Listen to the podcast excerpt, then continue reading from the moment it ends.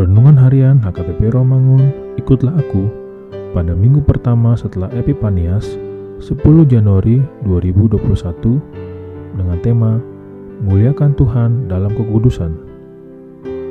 Firman Tuhan hari ini diambil dari Mazmur 29 ayat 1 sampai dengan 11. Mazmur Daud, kepada Tuhan hai penghuni surgawi, kepada Tuhan sajalah kemuliaan dan kekuatan Berilah kepada Tuhan kemuliaan namanya. Sujudlah kepada Tuhan dengan berhiaskan kekudusan. Suara Tuhan di atas air. Allah yang mulia mengguntur. Tuhan di atas air yang besar. Suara Tuhan penuh kekuatan. Suara Tuhan penuh semarak. Suara Tuhan mematahkan pohon aras. Bahkan Tuhan menumbangkan pohon aras Libanon.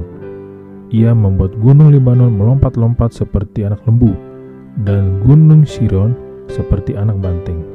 Suara Tuhan menyemburkan nyala api. Suara Tuhan membuat padang gurun gemetar. Tuhan membuat padang gurun kades gemetar. Suara Tuhan membuat beranak rusa betina yang mengandung. Bahkan hutan digundulinya dan di dalam baitnya setiap orang berseru hormat. Tuhan bersemayam di atas air bah. Tuhan bersemayam sebagai raja untuk selama-lamanya. Tuhan kiranya memberikan kekuatan kepada umatnya.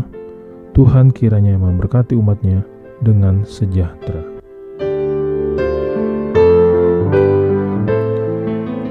Tuntutan bagi setiap orang yang berhubungan dengan Allah adalah menjadi kudus karena dia adalah kudus.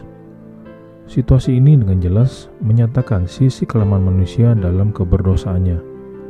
Kekudusan Allah dinyatakan kepada manusia didampingi oleh pernyataan cinta kasihnya yang sangat tinggi terhadap manusia. Yesus Kristus menjadi pernyataan kekudusan dan cinta Allah yang sejati.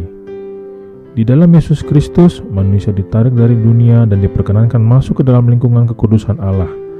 Pernyataan Tuhan hendaknya engkau kudus karena aku kudus menuntut tanggapan moral dan spiritual dari umat yang harus dicerminkan dengan sifat-sifat moralnya mengenai kebenaran, kemurnian, kebencian terhadap kejahatan, minat yang penuh kasih terhadap kesejahteraan orang lain dalam ketatan kepada kehendaknya. Karena yang kudus dari Israel terlibat aktif demi kebaikan umatnya yang telah dipisahkan dari yang jahat. Karena Allah demikian, maka umat pilihannya pun dituntut juga harus memiliki ciri-ciri yang demikian. Firman Tuhan pada hari ini kembali menegur kita untuk tetap meneguhkan hati dan nyata dalam tindakan kita bahwa kita harus memuliakan Tuhan dalam kekudusan, dalam kekudusan pikiran, kekudusan hati, dan tentu saja kekudusan tubuh kita yang nyata dalam setiap tindakan kita sehari-hari. Dalam pengalaman yang terus-menerus perihal pembebasan dari hukum secara harfiah, jiwa manusia dibebaskan oleh Roh Kudus. Kiranya kita dapat menjadikan Dia sebagai teladan dalam kehidupan kita. Amin. Mari kita berdoa. Tuhan kami Yesus Kristus, Kiranya kami dapat memuliakan Engkau yang Tuhan di dalam hati dan tindakan kami. Amin.